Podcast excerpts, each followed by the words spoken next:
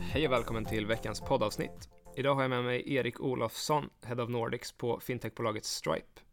Stripe är alltså bolaget som förenklar bland annat betalningsprocessen för e-handelsbolag eh, och väldigt mycket mer relaterat till eh, internethandel. Erik eh, själv har en väldigt stark bakgrund inom bland annat VC och blockchain på bolaget Chain samt nu senast från Stripe då. Han har väldigt intressanta spaningar om bland annat framtidens betalningar. Han delar även med sig om sin syn på blockchain versus kryptovalutor i slutet på podden, så stick around. Podden presenteras som vanligt av 421, konsultbolaget som specialiserar sig på att hjälpa företag anpassa sig till framtidens finansmarknad. Nu till podden. Varmt välkommen Erik. Tack. Kul att ha dig här. Ja, kul att vara här. Så att eh, du kommer ju från Stripe då. Mm. Eh, berätta lite om Stripe och var ni kommer ifrån. Stripe är eh, ett betalbolag kan man säga, en betalplattform. Mm. Och eh, funnits i snart tio år. Grundades av Patrick och John, som är två bröder. Från, från Irland ursprungligen. När de var rätt unga, jag tror de var 18 och 20 eller någonting sånt. Mm. Så de, de hade startat ett gäng bolag innan det. Och eh, insett att det var liksom det var inte så himla enkelt att ta betalt på nätet helt enkelt. Eh, för det de byggde. Och eh, så att ofta så handlar det om liksom, om de ska ta betalt med kreditkort. Att du var tvungen att kontakta en bank och kanske faxa in någonting och liksom, sen så fick du stora integrationsmanualen skickat pdf och mm. liksom tre veckor senare, om du hade tur, så kunde du ta emot första betalning. Så att det var väl liksom det som var lite utgångsläget och det som var eh, problemet. De kände att, vänta nu, istället för att istället för att försöka ta betalt för den här produkten som vi har byggt, den här senaste produkten, då kanske vi ska satsa på att bygga en plattform för betalningar istället. Mm. Um, så att det är väl det är ju ursprunget då. Uh, så att nu idag då, så nu 8-9 år senare, så är vi 2000 personer. Um, huvudkontor San Francisco. Vi har ett europeiskt huvudkontor i Dublin där vi snart är 300 pers. Um, och har gått ifrån att egentligen vara liksom den betalplattformen som startups använder och utvecklare använder i första hand. Eh, till att jobba med bolag som Spotify och Amazon och Uber och Airbnb. Mm. Eh, så att, ja, det är lite kort. Bra. Kort om Stripe. Förenkla lite för eh, förhandlare helt enkelt. Precis. Ta emot betalningar. Men vi kommer in på det mer sen. Men jag tänker, när jag tänker på onlinebetalningar från ett, så tänker jag från ett eh, konsumentperspektiv. Eh, I och med att jag, jag är konsument helt enkelt. Men det är ju mycket mer bakom en smidig konsumentupplevelse som är när man pratar onlinebetalningar, eller hur? Ja, så det var bra att nämna första onlinebetalningar. Det finns ju det vi fokuserar på just nu i varje fall. Mm. Eh, i, I det här samtalet. Eh, så att onlinebetalningar och precis som du säger så är det ju hyfsat smidigt som konsument. Liksom att skriva in ibland kort, liksom kortnumret kanske inte är så smidigt. Men det finns Apple Pay nu som, som, som funkar bra. Eh, framförallt så finns det väldigt många lokala betalmetoder. I Sverige har vi ett gäng. Eh, men liksom när det går land för land egentligen så märker man att betalning och betalningssätt, det är väldigt, väldigt lokalt väldigt kulturellt betingat. Just det. Mm. Så, att, så att problemet som du stöter på ofta som handlare, det är så här, okej, okay, du finns i Sverige nu och så vill du expandera till x antal andra länder. Mm. Eh, och då vill du ta betalt på de sätten. Du vill erbjuda de betalsätten som, som folk vill använda i de länderna du säljer till. Just det, för i Holland har ju alla eh, andra kort som de inte kan betala med online, eller hur? Så de behöver sin egen speciella lösning. Alltså det, det finns, det finns och där. Det finns, eh, det finns kortbetalningar som du kan köra online. Men däremot finns det en, ett betalsätt som heter Ideal, eller Ideal, mm. i just Holland. Som är som en slags, ganska likt Trustly, alltså en, en, eh, en lösning där du via ett interface då Ideal loggar in på din bank Eh, och sen initierar en liksom banköverföring. Och den står för ungefär hälften mm, av mm. alla onlinebetalningar i Holland. Precis. Och det vet man ju nödvändigtvis inte som, liksom svensk handlare som då säljer till Nederländerna. Mm. Men eh, då vill du på ett enkelt sätt att kunna aktivera alla de här betalningssätten på olika ställen i världen. Och sen få in alla pengar på ett enkelt sätt och rapportera på det eh, på ett enkelt sätt också. Mm. Så ni gör det helt enkelt enklare för om vi en svensk, eh, svenskt e-handelsföretag som skulle vilja sälja till en holländsk kund då, som kanske inte vill ringa upp och fixa allting som behövs för att få till iDeal så kan man ta hjälp av er så löser ni den kopplingen. Exakt, så att man integrerar en gång med Stripe eh, och sen kan du gå in och slå på då betalmetoder världen över. Så till Kina kan du slå på WeChat Alipay, säljer till USA så kan du ju då mycket i kort där men då kan du slå på liksom amerikanska betal, eh, amerikanska banköverföringar om du vill. Mm. Etc, etc. Så att, mm. Tanken är att det ska, liksom, det ska vara enkelt för dig eh, och sen ska du lätt kunna eh, liksom slå på de här olika metoderna för olika marknader. Precis. Så det är ju... Det kan man säga, det är ju en del. Alltså betalmetoder är ju en del. Sen finns det andra grejer också som man kan göra enklare för, för handlare. Eh, och mycket av det handlar ju om att ge utvecklare, alltså programmerare, eh, de verktygen som de behöver mm. och det sättet att integrera betalningar som de gillar. Mm. Att du kan få in din app på ett enkelt sätt eller på webben på ett enkelt sätt och att du, du eh, inte behöver som fortfarande är rätt vanligt men egentligen uteslutande existerade för kanske 10-15 år sedan. Att du liksom fick gå till en ny sida där det helt plötsligt står så här, ja det här är någon slags betalningssida då, av ett betalbolag och så ska du fylla i betalningen där så hoppar du tillbaka mm. till flödet. Mm. Eh, ska göra enklare för utvecklare att bygga mer eh, liksom custom-flöden. Just det. Mm. Så väldigt mycket eh, olika sätt att förenkla för handlare. Men det finns ju också mer i den här backend-lösningen som ni erbjuder, eller hur? För ni har, ni har någon form av dataanalysdel, också ett antibedrägeriverktyg där bak. Just det. Ja, man kan ju säga lite så här att om man ska dra någon liknelse att eh, att nivå 1 någonstans, som är bara att ta emot betalningar, det är, det är lite operativsystemet, det är Windows. Mm. Liksom. Det mm. finns där. Ja. Och sen så kan du ha Excel på det och Word och liksom Outlook och lite andra grejer. Så att, och det kallar vi då för liksom våra applikationer eller moduler ovanpå. Mm. Och då kan det vara, eh, som du sa, Radar som är en, eh, en lösning som, som hjälper dig upptäcka bedrägeriförsök eller liksom det som... Eh, man är aldrig helt säker men när du liksom ger dig ett risk score så får du försöka hantera det på något sätt. Mm. Eh, och så finns det lösningar som, eh, som Stripe Billing som är till för bolag som kör prenumerationstjänster. Eh, alltså återkommande betalningar. Mm. Typ SAS-bolag. Software as a Service-bolag. Ja. Eh, så finns Connect, bara för att ge exempel. Connect för marknadsplatser eller plattformar där du behöver få in pengar som plattform och sen betala ut till många säljare på den här plattformen. Tänk typ Uber, att du har chaufförer. Liksom, Exakt, där, man inte, där inte plattformen får sitta med de pengarna i något skede utan måste få, föra dem direkt då från köpare till Exakt, så det, precis, det, det är en viktig poäng. I, särskilt i Europa så har det blivit hårdare nu i och med PSD2 att är du en plattform eh, som egentligen bara förmedlar eh, då den här kontakten mellan köpare och säljare Alltså du ingår inte i ett kontrakt med köparen av den här tjänsten. Utan du förmedlar det bara och liksom sätter ihop köparen och säljaren. Då får ju du inte egentligen röra de pengarna. Mm, ehm, så att du kan ju ta din andel av pengarna om du tar 10% eller någonting sånt. Mm. Men resten av pengarna ska ju gå liksom runt dig.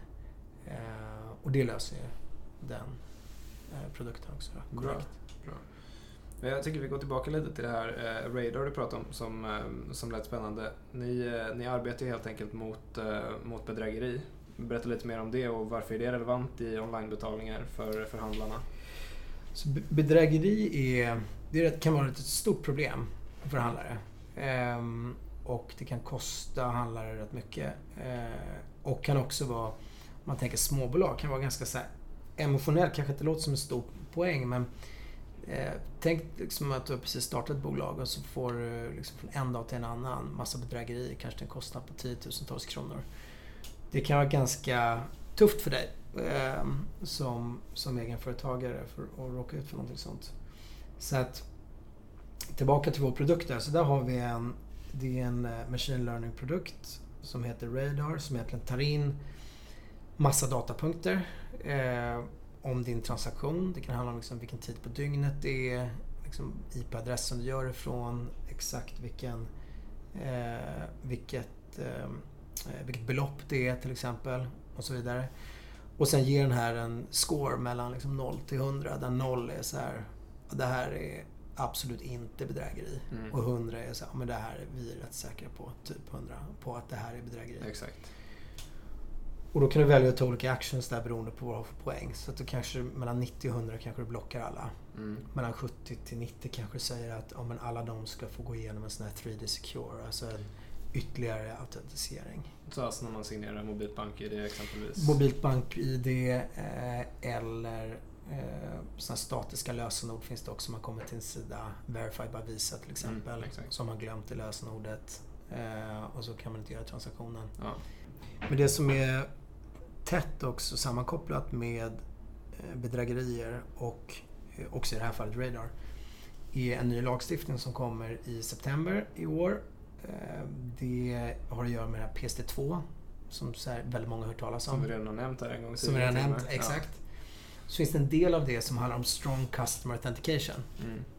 Och, och där kommer det regler då 14 september som säger att för alla onlinebetalningar som utförs eh, med ett kort som har getts ut liksom i Europa och betalas då till en handlare som är belägen i Europa. Då krävs det Strong Customer Authentication, alltså då krävs det typ sån här 3D Secure. Alltså BankID eller liksom någon form av lösenord eller engångs-sms. Mm. Men det som är lite, lite intressant här är att det i varje transaktions liksom, ögonblick eller varje transaktion, då finns det möjligheten att åberopa vissa undantag. Mm. Handlaren kan göra det. Precis. Som handlare så vill du, så här, du vill ju inte ha massa bedrägerier men du vill ju också att folk handlar. Det är en avvägning där. Du vill ja. göra det lätt men du vill inte förlora pengar. Precis. Så att har du en kund som är väldigt låg risk eh, så vill du inte skicka dem genom 3D Secure.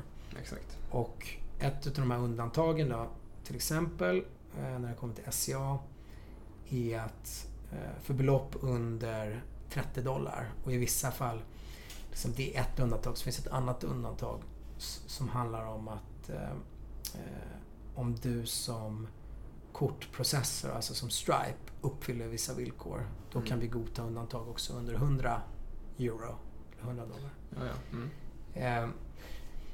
Så att vad som, det är lite intressant, dynamiken nu blir så här, det man, förut så när man tittat på alla transaktioner så är man så här, vilka har mycket risk? Ja men då slår vi på 3D Secure. Just det. Men nu kommer man mycket mer så här, okej okay, vi måste göra 3D Secure på allt. Men vissa har inte så mycket risk. Kan vi fråga om ett undantag? Så det blir liksom en liknande problematik fast liksom omvänt egentligen. Man vill Exakt. undgå det här. Det är standard att sätta på 3D Secure och så vill man ha undantagen för att stänga av kontra motsatsen som det är nu. Exakt. Mm. Intressant. Men om vi är kvar lite på, på era moduler. Ni har ju också en modul som heter Atlas som jag tyckte verkar intressant som handlar om det här med att göra det lättare för entreprenörer att etablera bolag i USA om jag förstått rätt. Berätta mig lite mer om det. Just det. Ehm, så att Atlas är, kort liksom, så är det eh, en tjänst där du betalar en one-off eh, avgift på, jag tror det är 500 dollar nu. Eh, så inte jättemycket. Och för det då så hjälper vi företag att starta ett, eller liksom incorporate ett Delaware-bolag eh, och öppna ett eh, bankkonto. Och sen kan du om du vill du använda Stripe också. Mm. Men så att poängen är egentligen att om, säg att du, alltså om du är svensk, vi har svensk, vi har nordiska, vi har en hel del nordiska Atlasbolag också. Men det här riktas ju framförallt kanske då mot bolag i länder som inte har tillgång till liksom den här typen av liksom finansiell infrastruktur. Tänk typ att du sitter i kanske Egypten eller att du sitter i eh, liksom Pakistan eller någon annanstans. Mm. Och eh, ska starta en, eh, en online-tjänst. Eh, och så kanske du vill använda Stripe i det här fallet säger vi. Eh, och då finns inte vi Liksom, vi finns inte förhandlare i de länderna än. Mm. Eh, och då kan du använda Stripe Atlas för att sätta upp ett bolag. Mm. Och det är rätt kul. Vi har tusentals bolag nu som har använt det här. Eh, och vi vet siffrorna, men kan inte, säga, kan inte säga exakt. Men vi står för liksom en meningsfull del i varje fall av alla bolag som startas i Delaware. Eh, de senaste månaderna. Det är imponerande. Eh, så det är ju jättekul att se. Mm. Och, och ganska tight med Stripes vision som handlar om att få fler företag egentligen online. Ehm, och sen så oavsett om de använder Stripe liksom, direkt när de börjar eller inte, eller kanske aldrig, så tror vi att i långa loppet så tjänar vi och liksom alla på egentligen mm. eh, att, eh, att vi flyttar över mer och mer handel till, till nätet. Det låter lite som Teslas move där att släppa lite e, eh, e-bilspatent för att växa marknaden då det i slutändan kommer gynna dem ändå. En sån grej. Precis. Jag har inte läst om det eh, specifikt men det låter som eh, det låter definitivt som liknande mm. som dynamik som de är ute efter. Ja, men så ni har ju redan ganska många moduler eller applikationer som du säger för att göra det enklare. Vilka fler, om man spånar skulle ni kunna tänka er att, etablera i framtiden om det inte är helt hemligt? Så att säga? Nej, precis. Men vi har, vi har en del grejer som vi kör internt som är eh, som vi kanske inte har släppt än då. Eh, ett par grejer som vi släppt i USA kan vara intressant att, att prata om som inte har kommit hit än. Mm. Eh, ett är eh, butiksbetalningar. Alltså vanliga sådana här eh, butiksterminaler. Och det kanske inte låter som som, som värsta grejen. Men jag tror att det blir ganska, blir ganska häftigt faktiskt för Stripe-handlare. Eh, allting är helt inbyggt i vår liksom, dashboard som det ser ut idag. Och eh, alla transaktioner online och offline som vi kallar det, alltså butiksbetalningar, mm. kommer gå genom eh, genom samma nav, liksom, eller samma system. Så tänk att du kliver in till exempel på, eh, på ett gym som kör både Eh, som kör Stripe både offline och online. Och så kanske du handlar någonting och så stoppar du ett kort i terminalen. Eh, och så kan du starta din liksom, månadsbetalning från det som läggs upp sen kanske i din app. Liksom. Mm. Eh, eller att du har handlat någonting online från en butik online och sen så dyker det upp i deras butik och så betalar de kortet där så känner de igen det. Kanske kan ge dig någon discount eller något sånt. Just det. Och där knyter vi lite ihop till det här bedrägeriarbetet också. Att man får en bättre score desto mer man vet om människor. Jo men så är det. Någonstans så är det att liksom, de här eh, algoritmerna tränas ju av liksom, eh, liksom input. Mm. Eh, ju mer vi har desto mer kalibreras ju de. Mm. Men vi tror att igen, som vi var inne på förut, att att eh, i, ibland kanske är det svårt att se liksom, alla fördelarna med det här som vi gick igenom med liksom, offline och online i ett. Men mycket av de här förbättringarna någonstans tillfaller ju handlarna. Det blir, här, det. blir enklare för dig som handlare att bara här, underhålla ett system. Mm. Ehm, och inte två. Och att utvecklaren kan sitta och köra mot ett system och det är en uppdatering och liksom, istället för flera. Mm. Bra, väldigt intressant. Du eh, har ju eh, många intressanta spaningar som du redan har delat men eh, en helt valfri öppen. Helt valfri öppen. Jag, jag berättade det här för dig precis innan vi, vi drog igång. Jag var ju på Money 2020 förra veckan som den här stora betalkonferensen eh, som går varje år. Eller tidigare har gått varje år i Vegas. Och nu så kör de eh, en europeisk, och nu kör den i Asien också. Men eh, det här var i Amsterdam i alla fall förra veckan. Mm. Och det pratas ganska mycket om SCA där, som varit inne på, så det här Strong Customer Authentication. Exakt. Det var ganska, ganska hot topic. Eh, ganska mycket verifieringstjänster, alltså mer och mer. Så ID-verifiering. Mm. Eh, och sen så jag tror ganska, som jag tyckte var ganska intressant, är just det här liksom mellan kort liksom lite slaget kan man säga mellan kortbetalningar och eh, instant payments. Eh, alltså direkt bankbetalningar som kommer mer och mer. Mm. Och i varje marknad att du ser, eh, att du har Swish till exempel och här, eh, men att du ser liknande tjänster poppa fram. Eh, och vissa av de här, eh, vissa av de här panelerna var liksom riggade nästan som liksom kriget mellan korten och instant payments. Hur kommer det gå? Okay. Vem kommer vinna? Spännande. Eh, och jag tror konsensus är någonstans att kort kommer ju, kort kommer ju minska mm. eh, lite då. Eh, till fördel för instant payments. Men att det verkligen finns fördelar och nackdelar med båda. Så kort kan du liksom regga dina kortuppgifter för till exempel återkommande betalningar. Mm. Så kan det ligga där. Eh, kort har ett annat liksom, typ av konsumentskydd. Kan, liksom, det är kanske inte många som testar det men om du har handlat någonting eh, och, eh, och du av någon anledning liksom, skickar tillbaka produkten och inte får inte pengarna tillbaka. Mm. kan du gå via din bank och egentligen via Visa så är du garanterad att få de här pengarna tillbaka. Ja, ja. Men med instant payments, alltså när du har fört över eh, pengarna från ett bankkonto till, ett annat, då har du inte samma liksom, typ av skydd egentligen. Samma typ av intermediaries som Visa är. Mm. Som kan gå in och garantera mm. det här. Eh, så det är väl en intressant spaning någonstans att eh, vi kommer se fler och fler instant payment-bolag. Vi kommer se eh, vi kommer se sådana som spänner över flera länder. Eh, och jag vet också på Riksbanken så håller man på att titta på nya sätt att öppna upp för andra aktörer mm. Än just Swish. Ehm, och, eh, så vi kommer säkert se flera inhemska också ehm, inom en snar framtid. Spännande. Vad, vad, tror du har drivit den här eh, innovationen? Är det regelverk som just har drivit eller är det teknologin som har drivit? Vilket håll eh, drar i att vi, vi går framåt här? Alltså ett, ett tror jag lite faktiskt med euron.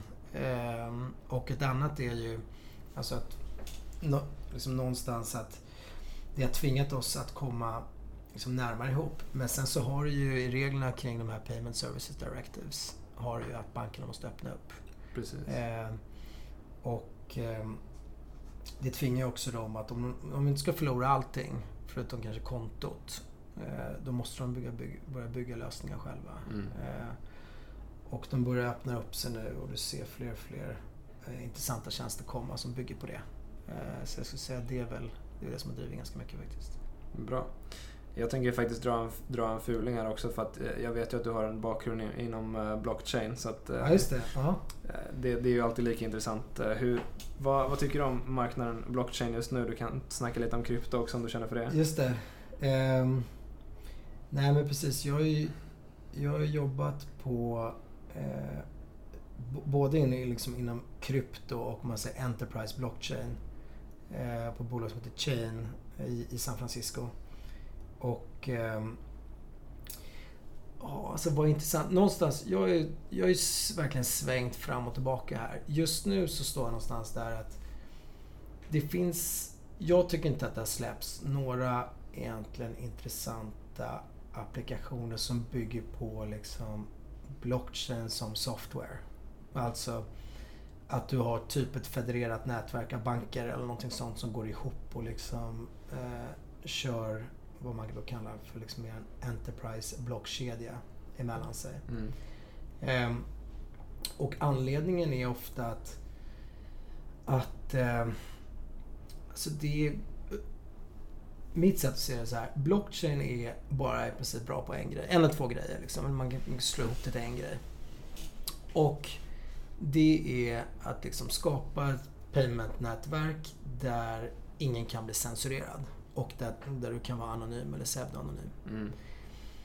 Eh, men ett federerat nätverk av banker, de kommer liksom alltid att kunna, du kommer alltid kunna stänga ner liksom transaktioner, blocka transaktioner. Eh, liksom det finns spelteoretiskt möjligheter att göra det, så att mycket av reglerna där kommer göras upp liksom, i kontrakt mellan de här bankerna snarare än att de trycker, trycks hela vägen ner till Eh, liksom teknologilagret. Så som är fallet med, eh, med Bitcoin. Precis. Så nu hoppar jag direkt in i det här. Vad ska jag säga? Alltså jag, för Bitcoin så finns... Bitcoin är liksom decentraliserat. Mm. Eh, du har eh, ingen egentligen som på ett liksom systematiskt sätt kan censurera transaktioner. Eh, det kommer aldrig ta över liksom fiat-valutor för att du kommer alltid behöva betala skatt i, liksom, i det landet där du befinner dig. Så att vi, du och jag kommer alltid vilja ha liksom, kronor i lön för att det är med kronor vi kommer liksom någonstans. Exakt, exakt. Men däremot för niche use case eh, varav Alltså det kan vara att du liksom är en human rights activist-blogger i Kina. Liksom. Det är svårt för dig att ta emot betalningar, kanske bankbetalningar. Kanske mm. blir bitcoin istället. Sen så har du ju som är kanske en svart marknad eller liksom eh, en, en handel för illegala prylar. Eh, där, där bitcoin fungerar väl eh, för dem. Så att bitcoin är väl det liksom. Så finns det lite andra också.